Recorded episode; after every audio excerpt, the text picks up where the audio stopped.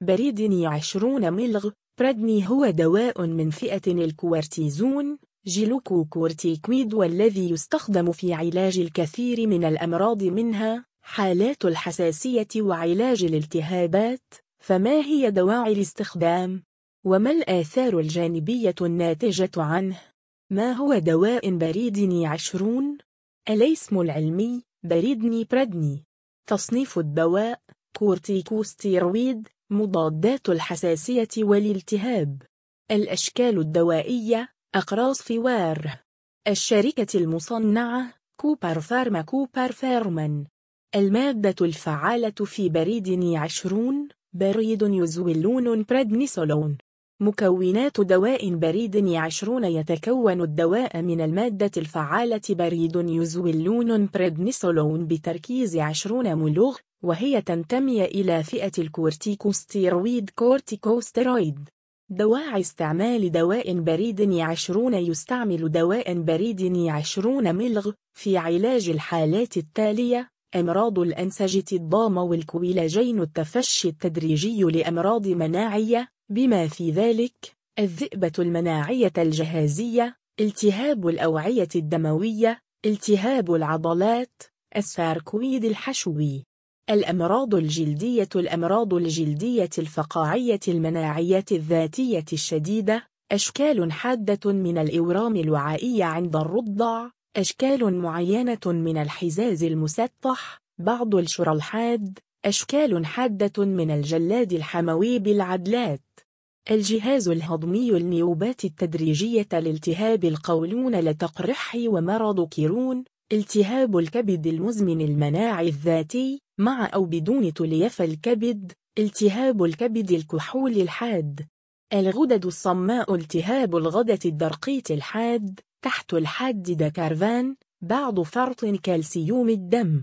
أمراض الدم نقص الصفيحات المناعة الشديد فقر الدم لانحلال المناعة الذاتي بالاشتراك مع العلاجات الكيميائية المختلفة في علاج الإورام الخبيثة اللمفاوية المكتسبة أو الخلقي. الأمراض المعدية التهاب التمور السلي وأشكال السل الشديدة التي تهدد الحياة. الالتهاب الرئوي المتكيسة الجؤجئية مع نقص الأكسجين الحاد.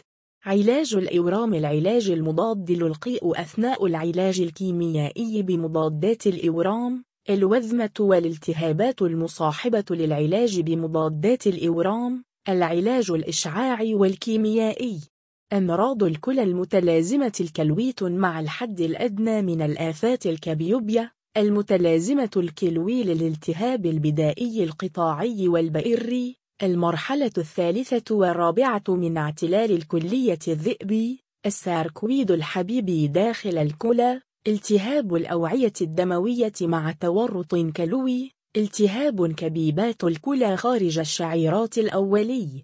الجهاز العصبي الوهن العضلي الوذمة الدماغية الناتجة عن ورم التهابات الأعصاب الطرفية والمتشعبة تشنج الأطفال متلازمة ويست متلازمة لينوكس غاستو التصلب المتعدد الانتكاس بعد العلاج بالكورتيكوستيرويد في الوريد.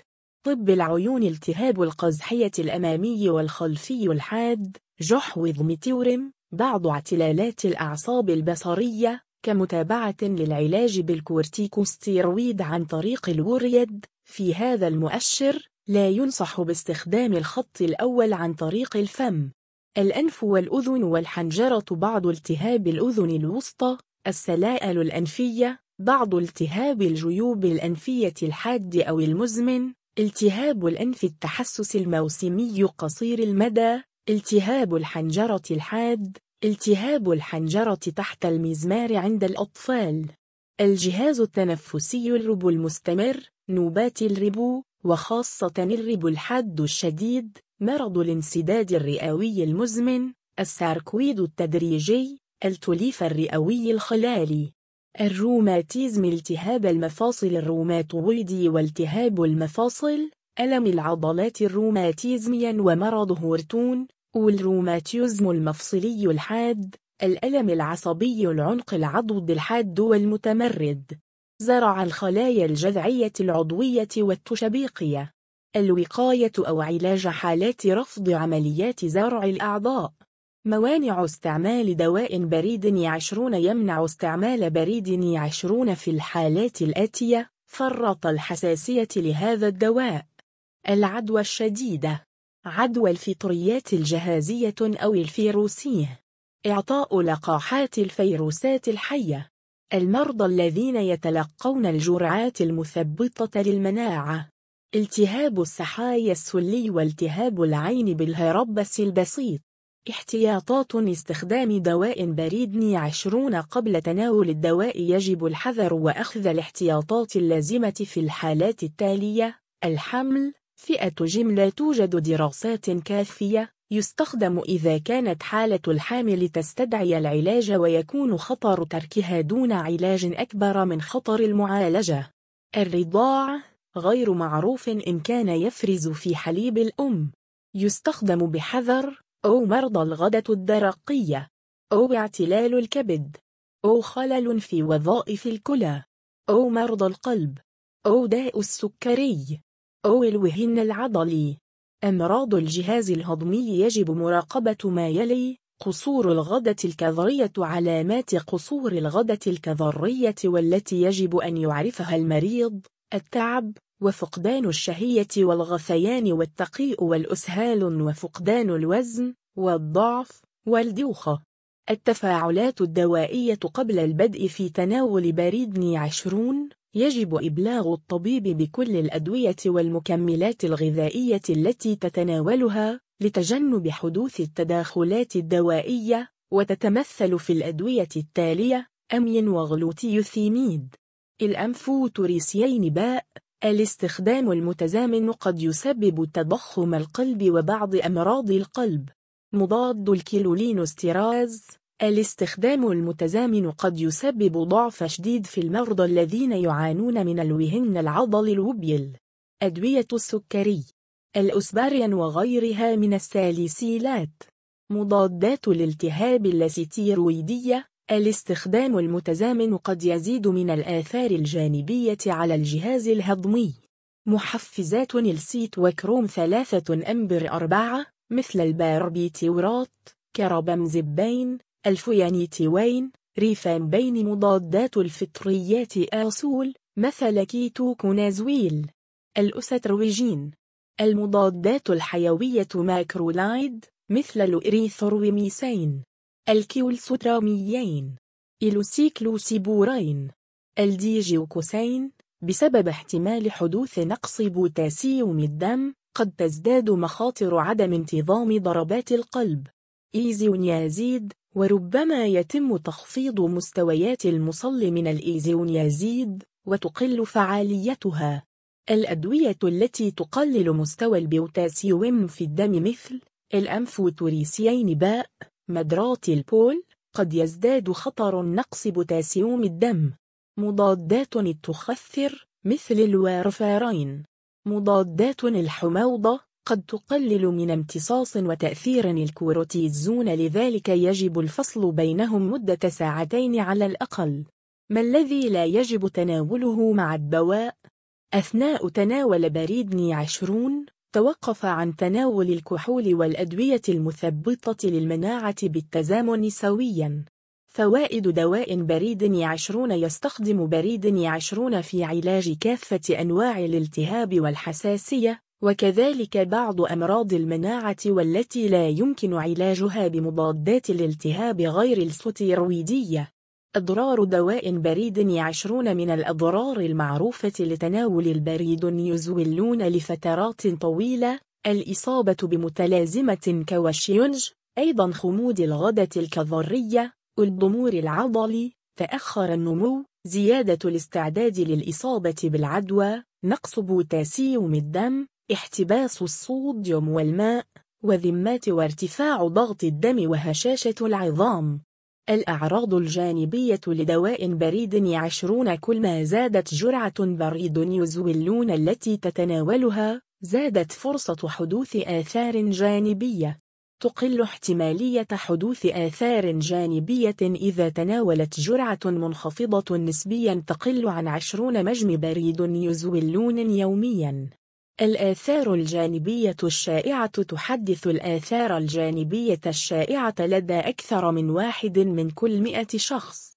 استمر في تناول الدواء لكن أخبر طبيبك إذا كان يزعجك أو لا يذهب بعيدا زيادة الوزن.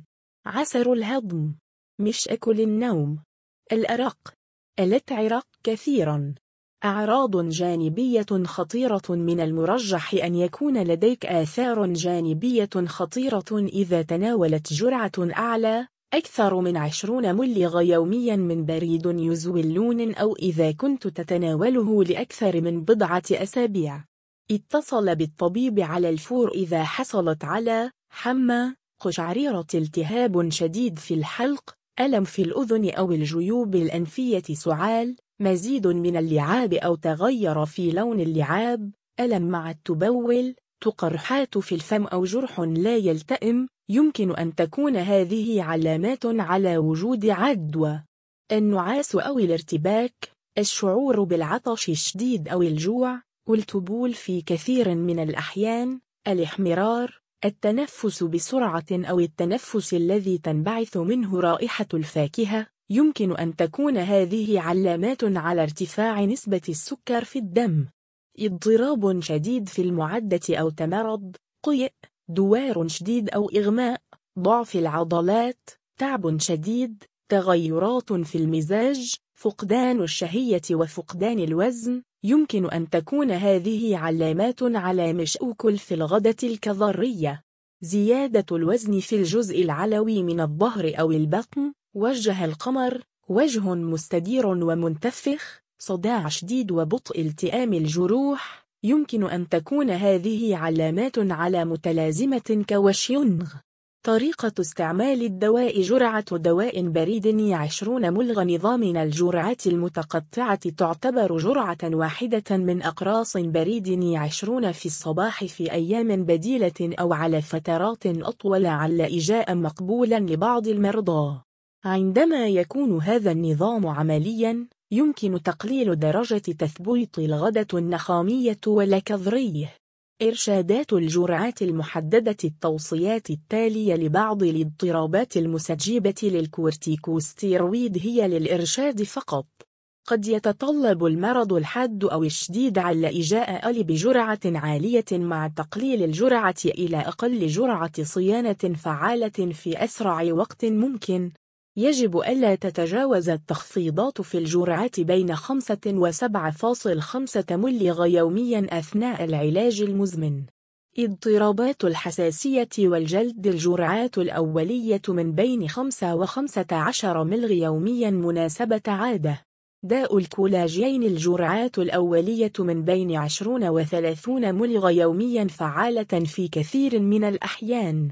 قد يحتاج الأشخاص الذين يعانون من أعراض أكثر حدة إلى جرعات أعلى. التهاب المفاصل الروماتويدي الجرعة البدئية المعتادة بين 10 و 15 ملغ يومياً. يوصى بأقل جرعة صيانة يومية متوافقة مع تخفيف الأعراض الذي يمكن تحمله. اضطرابات الدم وسرطان الغدد الليمفاوية غالبا ما تكون الجرعة اليومية الأولية من بين 15 و 60 مجم ضرورية مع التخفيض بعد استجابة سريرية أو دموية كافية. قد تكون الجرعات العالية ضرورية للحث على الهدوء في بيضاد الدم الحاد. هل يتم تناول دواء بريد عشرون قبل أو بعد الأكل؟ يجب تناول أقراص بريد يزوي اللون بعد الوجبة لتقليل مخاطر تهيج المعدة. متى يبدأ مفعول دواء بريد عشرون يتم امتصاص بريد يزوي اللون بسرعة في الجهاز الهضمي عند تناوله عن طريق الفم. يتم تحقيق أقصى تركيز في البلازما بعد ساعة إلى ساعتين بعد تناوله عن طريق الفم عادة ما يكون عمر النصف للبلازما من اثنان إلى أربعة ساعات ماذا تفعل إذا فاتتك جرعة من الدواء؟ عند نسيان جرعة تناولها عندما تتذكر ولكن لا تضاعف الجرعات هل حبوب بريد يزوي اللون تسمن؟ من الآثار الجانبية المعروفة للدواء هي زيادة الوزن لكن لا يتم استخدام حبوب بريودنويزلون بغرض التسميين نظرا للأضرار الخطيرة والمضاعفات الناتجة عن استخدامه بلا ضرورة طبية وتحت إشراف الطبيب. ثمن بريدني عشرون في المغرب يتوفر دواء بريدني أقراص في الصيدليات بثمن 42.00 درهم مغربي. طريق حفظ وتخزين الدواء يخزن في درجة حرارة الغرفة في وعاء مغلق بإحكام بعيدا عن الحرارة ولا يجم كما يحفظ بعيدا عن متناول الأطفال. بديل دواء بريد عشرون ملغ يوجد بدائل تحتوي على مادة البريد يزولون على سبيل المثال براين يسون بريدون نوفاسون هوستاكوروتن بريوديوكوير. بريكوروتيل ويزون تجربتي مع بريدني عشرون دواء بريدني من الأدوية التي تنتمي لمجموعة الكورتيكوستيرويد المعروفة بفاعليتها في علاج كافة أنواع الالتهاب التي تصيب الجسم ضمن أمراض ومتلازمات عديدة ولكن يجب استخدامه تحت إشراف طبي وبجرعات محددة لوجود آثار جانبية خطيرة ومتعددة إذا لم يتم استخدامه بالشكل المناسب.